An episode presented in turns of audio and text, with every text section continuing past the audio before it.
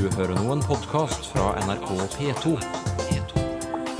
nrk.no podkast. Mamma og pappa eller mor og far? Det kan være et klassespørsmål.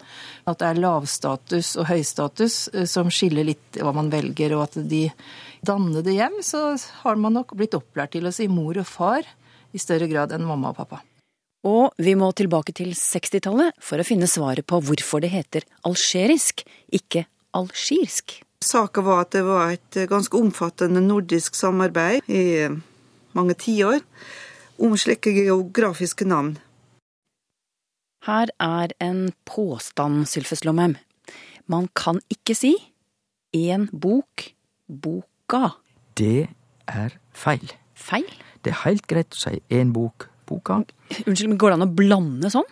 Én bok, boka? Det gjør det. Ja, Den forklaringen er jeg veldig spent på. Den kommer litt senere.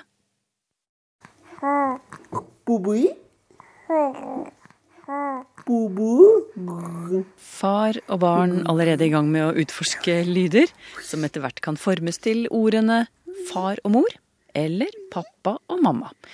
Eller noe annet, kanskje? For hva kaller vi helst opphavet vårt? Det har språkforsker Ruth Vatvedt Fjell ved Universitetet i Oslo undersøkt. Ved hjelp av den store dialektsamlingen Nordisk dialektkorpus har hun kartlagt hvordan vi omtaler foreldrene våre. Altså ikke når vi henvender oss direkte til dem, men når vi snakker om dem. Og hvilken omtaleform er det de fleste av oss velger, Ruth Vatvedt Fjell? Ja, når det gjelder omtale, som du endte opp med her, så er det nok aller mest vanlig fortsatt å bruke mor og far om de nærmeste vi har. Men eh, det som er litt morsomt, er å se at det er en viss variasjon på landsbasis. Hvem er det som sier mor og far, da? Ja, det er eh, som sagt eh, folk flest, men det er absolutt mest i østnorsk og vestnorsk. Og i nordnorsk så ser vi at det er en god del mer mamma og pappa også i omtale, altså. Er det noe, noe fordeling på alder og kjønn her også? Det er det. Vi ser nå at uh, yngre velger eh, mamma og pappa i mye større grad enn eldre, og at det nye materialet i dialektkorpuset viser en mye større overvekt av bruken av mamma og pappa enn før i omtaleformen. Og jeg vil anta at da er det mye, mye mer i tiltaleformen, for det er jo den direkte formen når vi snakker til folk. Så, så det ser vi, at det er en endring som skjer. Og um, at mor og far går noe tilbake. Og vi vet jo at det ikke bare er alder og bosted som styrer det, men det har også litt med sosiale variabler å gjøre. Det har jeg ikke kunnet undersøke i dette korpuset.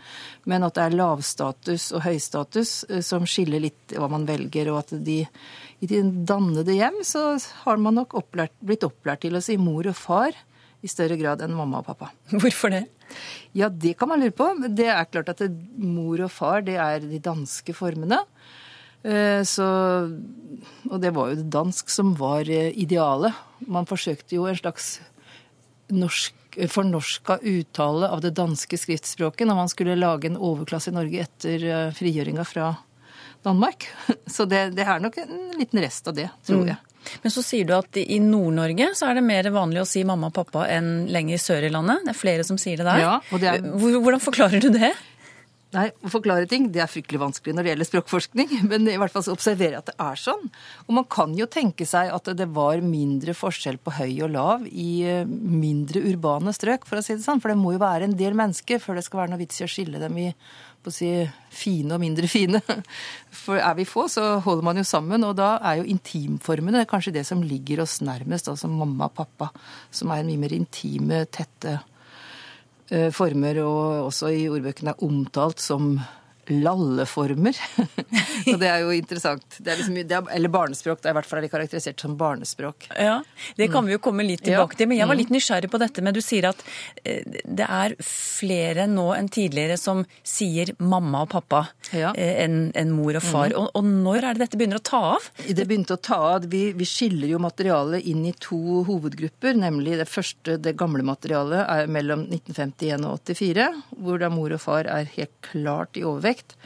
Og så har vi det nye materialet fra 1998 til 2012. Og hva som har skjedd mellom 1984 og 1998, det kan vi ikke si, men det er nok en gang der at det har skjedd, denne endringen. Og jeg syns den går, i, går på en måte sammen med den allmenne, si, mindre formelle eh, væremåten. Ja. Folk kler seg mindre formelt, de snakker mindre formelt, oppfører seg Det er liksom ikke så stivt lenger som vi trodde syntes det måtte være i en del formelle sammenhenger før. Jeg tenker også på at det er jo det var jo mer distanse mellom foreldre og barn før. Og da var det kanskje mer på sin plass å si mor og far. Du sier at mamma og pappa er litt mer intimt. Ja, det, det tror jeg det er. Det er nettopp den markeringen. Og det, det var jo dette som fulgte av alt som skjedde på 1970-tallet, hvor vi skulle rive pyramiden, og det skulle være flate strukturer og ikke på å si forskjell på folk. Og det gikk så langt, så det gikk altså inn i den mest innerste kretsen av livet vårt, i familiene. Mm. Og foreldra syntes ikke det var nødvendig at de skulle bruke de mer tillærte formene mor og far. For vi vet jo at de første ordene alle lærer seg, det er mamma og pappa. Og de må jo bli lært opp til å si mor og far istedenfor. Og da måtte foreldrene selv gå inn og påvirke barnets ordvalg. Og det gjør man antageligvis ikke lenger, for det skulle være fri utvikling og og det er jo godt, den der med den flate strukturen gikk jo enda lenger, da. Som vi vet. Særlig begynte kanskje på 70-tallet, men har eh, blitt mer og mer vanlig, eller ble i hvert fall mer og mer vanlig i en periode, at man slutta å bruke disse slektskapstermene i det hele tatt, og brukte fornavnet. Ja, ja hvordan, for, hvordan, er det? Eh, noen sier mamma og pappa, noen sier mor og far. Men hva sier vi ellers, hvis vi ikke bruker noen av disse formene når vi omtaler foreldrene våre? Ja, Det er litt kjønnsrelatert. Det er morsomt, for det er godt å sett litt ekstra på nå i det siste. Eh, at det er en del menn, eller gutter må jeg kanskje si, som sier mutter'n og fatter'n og moderen og faderen. Ja. Svært få eh, kvinner eller jenter. Ja, Hva skyldes det, da? Tror du? Jeg tror at det er akkurat dette som står i ordbøkene med barnespråk og intimspråk. At særlig unge menn, da, når de kommer i puberteten, så begynner de å si mutter'n og fatter'n eller moder'n og fader'n. En sånn markering av en ørliten ironisk distanse eh, til dette opphavets autoritet over dem selv. Det er vel det det dreier seg om. For det er jo å markere at noen er foreldre og andre er barn, i språklig forstand, er jo å si at den personen har ansvar for meg, og den personen har myndighet over meg. ikke sant? Mm. Og det blir borte når man eh, Eller litt borte når man eh, gjør, bruker sånne litt ironiske former. Og selvsagt blir det eh, enda mer borte hvis man bruker fornavn. Ja. Men hva betyr mor og far og mamma og pappa? Altså, hva, hva sier ordbøkene om, om, betydningen? Ja, det er også en interessant For det første så er det jo fryktelig vanskelig å, å definere et så sentral del av ordforrådet. Uh, sånn. Men, men, man har i ordbøkene forsøkt å sette opp noe etymologisk forklaring. Og da står det om mamma at det er det latinske betegnelsen brystkjertel. Eh, jeg tror vel kanskje at det er omvendt, at brystkjertelen er blitt oppkalt etter det første personen som veldig mange hadde behov for å navnsette eller tilkalle. Eh, men i hvert fall så er mamma navnkjertel, kommer av ordet navnkjertel, ammel. Og, og pappa har da etymologisk opphav i ordet pave. Og det er jo en ganske interessant forskjell, da. Det var noe helt annet? Ja, det er noe helt annet. Og det er ganske interessant fordi det finnes jo mange språk hvor mamma heter pappa, og pappa heter mamma. Eh, ikke sant? At Hva mener du? Pappa betyr mamma. Og sånn. For forholdet mellom uttrykk og innhold er jo helt tilfeldig, arbitrært, som, som det heter i språkvitenskapen. Alt kan bety alt. Det er bare snakk om hva vi er enige om. Og det er veldig, særlig i veldig mange stammespråk så er pappa betegnelsen på mamma. Men mor og far, da? Ja, det er moder og fader og motter og fater, fra, altså via dansk fra tysk, da. Mm. Eh, og også fra latin, så det er jo egentlig de samme orda, bare at de har litt uh, forskjellig ordhistorie. Ja. Og så sa du i sted at eh, mamma og pappa det ble omtalt som barnespråk, eller lalleform, i, ja. i ordbøkene. Hva syns du om det, at, vi, de, at, mange av oss driver og laller når vi snakker om foreldrene våre? Ja, det kan man jo ikke si lenger, for det var vel da tanken at det var noe barn sa før de hadde lært seg å snakke ordentlig. Ikke sant? Så jeg måtte lære dem å si mor og far, som var det dannede, eller moder og fader. Uh, og dermed så drev de bare lallet, da. Så bæ, bæ, bæ, ikke sant? Bab, altså babla. Eh, Men da er det jo ganske mange som babler for tiden, da, når vi har eh, massevis av belegg på godt voksne mennesker, over 60 år faktisk, som sier mamma og pappa og ikke kunne tenke seg å si mor og far. Så der er nok språkutviklingen eh, gjort at man må rette opp det som står i ordbøkene, både når det gjelder etymologien, for den tror jeg er feilaktig, og selvsagt også forklaringen på at dette er en lalleform eller barnespråk. Det er det ikke, det er voksenspråk godt som noe.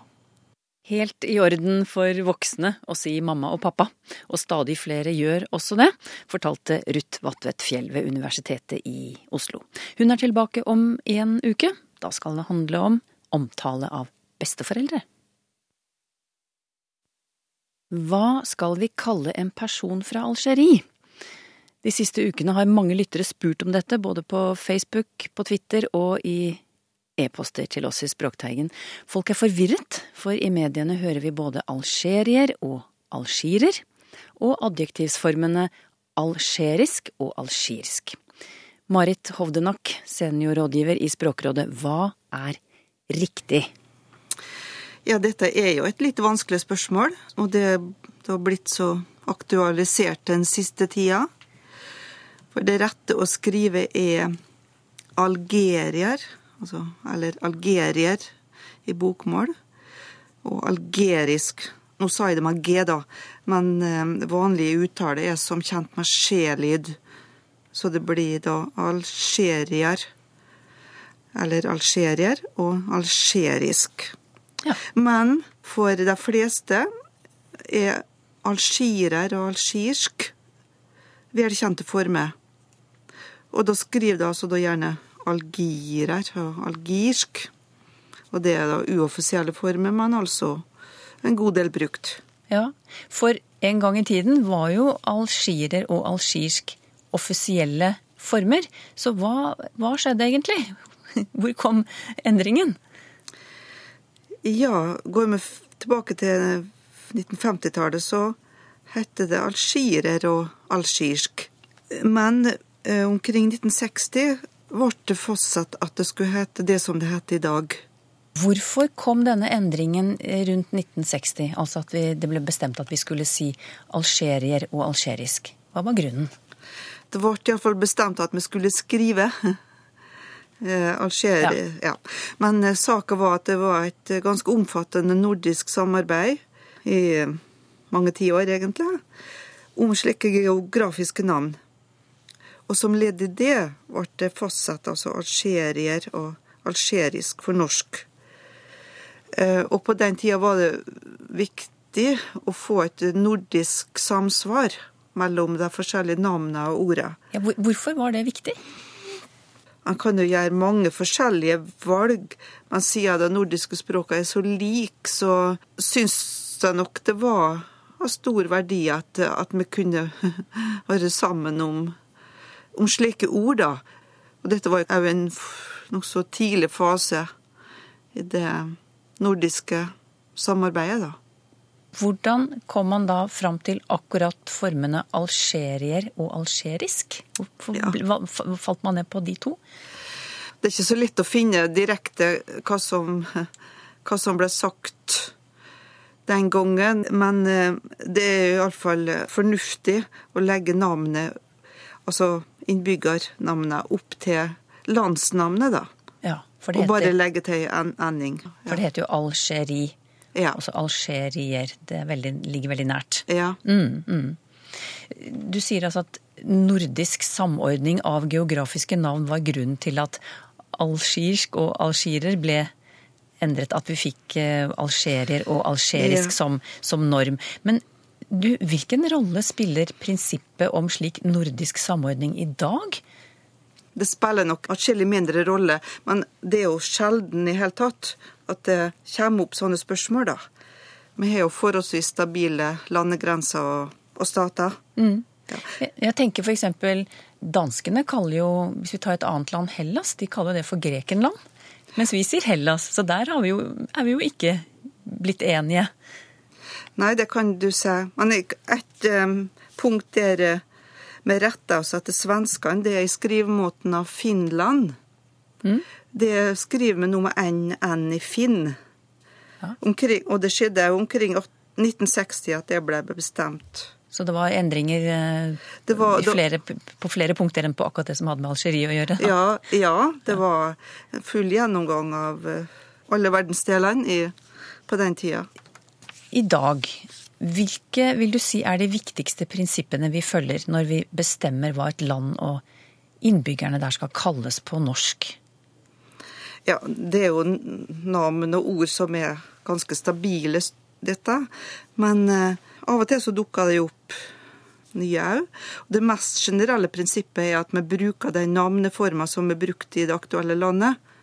Og det er òg et råd som eh, faller sammen med anbefalinger fra en FN-organisasjon for slike spørsmål. Men når det gjelder innbyggernavnet og det adjektivet, så, så er jo det mer et, et norsk spørsmål, da. Hva tar vi hensyn til da, da? Ja, da spiller jo norsk språkstruktur og hva som er vanlig i norsk, hva endinger vi bruker f.eks. Da må det være det viktigste. Du sier at vi skal at et prinsipp er å følge norske systemet norske endelser. Men jeg merker meg at noen av lytterne som har henvendt seg til Språkteigen om dette med algerier og algerisk, de, og de har også henvendt seg om andre geografiske navn, de sier at ofte så syns de det strider mot språkfølelsen deres. Det virker unaturlig å si f.eks. somalier i stedet for somaler, som de syns høres mer naturlig ut. Australier høres unaturlig ut, men ikke australier, osv. Altså, hvorfor tror du geografiske navn kan høres feil ut for noen av oss, selv om, selv om det faktisk er riktig og korrekt? da? Ja, det er jo gjerne ord som ikke brukes så veldig mye, kanskje. Og da vil vi knytte det til vanlige endinger. Og da er kanskje r-ending vanligere enn ir-ending. Så det er ikke noe rart at eh, folk kan bli litt uh, forvirra. Men eh, det er ikke sikkert at det er lett å forenkle ordninga for, eh, for alle ord. Hva mener du med å forenkle ordninga? Nei, altså, vi har jo én offisiell skrivemåte, men så er det jo andre som er i praktisk bruk. Da kunne en tenke seg at, at en kunne gjøre det valgfritt, at en kunne bruke begge. Men eh, mange syns jo det er forvirrende med endringer òg, ikke sant? Og, og dobbeltformer. Samtidig som det kanskje er enda flere varianter i, i bruk. Så kanskje det er enklest å beholde det som vi har hatt i 50 år. Algerier og algerisk, offisielle former i over 50 år. Kanskje like greit å slå seg til ro med det, mente Marit Havdenak, seniorrådgiver i Språkrådet.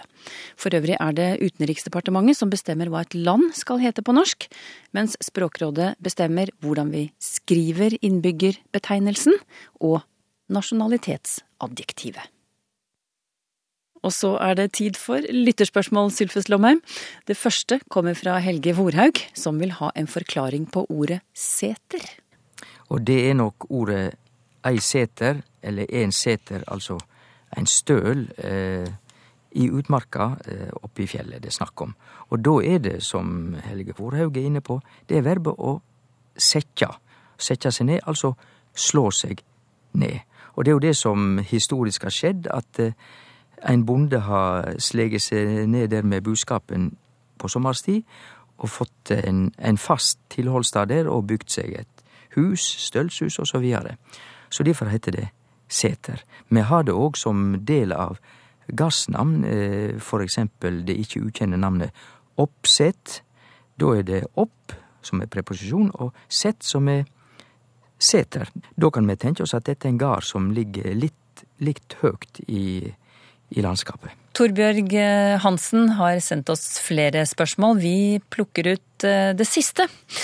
Hun skriver det heter én kirke, men så har hun hørt eh, både ministre og prester, blant andre, som sier kirka. Og går det an, da, lurer hun på. Og det gjør det. Det er ei utbredd oppfatning blant en del bokmålsbrukere at hvis du har som førestilt artikkel én, altså en bok, så må du også i bestemt form ha boken. Og hvis du har boka, så må du òg ha ei bok, altså ei som førestilt artikkel. Det er feil. Tvert imot så vil jeg si at det vanligste mønsteret i moderne bokmål i våre dager er å bruke ganske mye a-ending i bestemt form, altså boka, men at det er ikke så veldig mye brukt å ha ei bok. Der bruker vi felleskjønnartikkelen én. Så det er heilt greit å si én bok, boka, og én kirke, kirka, og én åpning og én regjering, og åpninga og regjeringa. Det er rett og slett fullstendig korrekt, og jeg vil til og med si at det er det vanligste, sannsynligvis. Noen vil jo si at dette er veldig inkonsekvent eh, måte å snakke på. Ja, det, det kommer av at uh, i bokmål så er det slik at du har lov til å velge én eller ei som artikkel i ord som i nynorsk da er hokjønn. Altså kirke og bok og gate. Det kan heite i bokmål én kirke, én bok, én gate, eller ei kirke, ei bok og ei gate. Og i bestemt form så er det like prinsipielt valfritt. Boken, kirken, gaten, eller boka, kirka, gata. Og i prinsippet går det an å kombinere dette òg, øh, slik at om du har A, så må du ikke ha ei, da kan du ha en, n altså. Og det er nok akkurat det mønsteret med n i felleskjønn og a i bestemt form som ser ut til å være den vanligste kombinasjonen i, i bokmål i dag. Men jeg veit det er mange som tror at dette kanskje ikke er heilt bra, og det er derfor jeg må streke under kraftig. Dette er ikke bare bra, dette er det vanligste. Svenske Lena Ekman har støtt på i hvert fall to ord her i Norge, og hun lurer på for det første hva betyr øyemed, og hva kommer det av? Det er jo et litt pussig eh, ord. Men egentlig, hvis vi tenker oss gjennom, så er det jo det samme som med noe for øye. Å gjøre noe i et bestemt øyemed er jo det samme som å gjøre noe med det for auga, altså med sikte på eller med tanke på noe. Sånn og sånn. Ja. Mm. Det andre ordet hun vil ha en forklaring på, er akutt. Ja. Eh, det akutthjelp høres ut til at det er strakshjelp, og at kutt da betyr straks. Men det er nok ikke historisk rett. Akutt kommer fra et latinsk ord, acutis, og det betyr kvass eller skarp. Slik at eh, vi har det jo òg eh, når det gjelder sjukdomar. Til dømes kroniske sjukdomar, det er dei som varer over tid. Men en akutt sjukdom, den er altså skarp eller kvass. Med andre ord, den kjem veldig raskt og fort. Og da skjønner vi òg sammenhengen med akuttmottak på et sjukehus. At det er, det for å ta imot eh, ting som kommer på veldig raskt. Vi har jo òg akutt i, i språksammenhenger der det er aksentteikn. Og da er det aksentteikn som går litt oppover eh, fra venstre og oppover mot høgre, i stedet for alle, hvis vi meiner at det står tre ved sida av vegen, så må vi ha en aksent allé. Og den aksenten blir av enkelte kalla akutt aksent. Grete Sel skriver til oss og spør blant annet. Av og til hører man ordet skjellsettende, og at det betyr epokegjørende. Det står i ordboken, men hva er egentlig betydningen av skjell i dette ordet? Det er ikke rart at det blir spørsmål om, og det har i alle fall ingenting med skjell, altså kamskjell og slikt som du finner i sjøkanten, å gjøre. Det som løgner seg attom skjell i skjellsettene er rett og slett verbet å skilja, altså på bokmål, et skille. Og da blir det god mening. Det er noe som set et skille skjellsettende. Og på nynorsk er det mykje lettare å forstå ordet, for der heiter det skilsettjande. At noe er skilsettjande. da set eit skilje. Hilde Myhren hørte ordet deskalere på nyhetene tidlig, tidligere i vinter. Det var utenriksminister Espen Barth Eide som uttalte seg om krisen på Gazastripen. Og da brukte han altså uttrykket deskalere. Hilde Myhren skriver dette var et nytt ord for meg. Eh, jeg oppfattet det som at, ja, at det betød at ting roet seg. Og Barth Eide brukte også ordet eskalere i ordets vanlige betydning, eh, trappe opp eller stige. Men så sier hun, blir det riktig å konstruere deskalere som ord for det motsatte av eskalere? Og jeg ville trodd at den i så fall måtte ha brukt ordet deeskalere, skriver Hilde Myhren. Hva mener Språkteigen? Ja, eh, det jeg mener er jo først og fremst at eh, Espen Barth Eide fortjener en språklig strekk her, fordi jeg syns ikke utenriksministeren skal bruke slike ord når eh, vedkommende snakker i det offentlige. Eh, utenriksministeren burde bare sagt på grei norsk at ting hadde roa seg, at eh, det nå ikke var så voldelig, eller et eller annet sånt.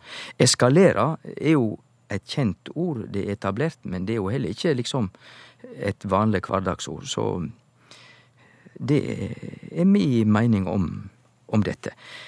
Sjølve ordet er jo interessant fordi at både deskalere og eskalere inneholder skala. Og alle har hørt om operaen i Milano som heter La Scala. Skala betyr rett og slett ei trapp. Slik at når du eskalerer, så går du opp trappa, og hvis du deeskalerer, så går du ned trappa. Altså du går opp eller ned. Ja, jeg hører du sier deeskalere, Sylfest Lomheim. Eh, betyr det at det er det som er riktig? At ikke det er riktig å si deskalere?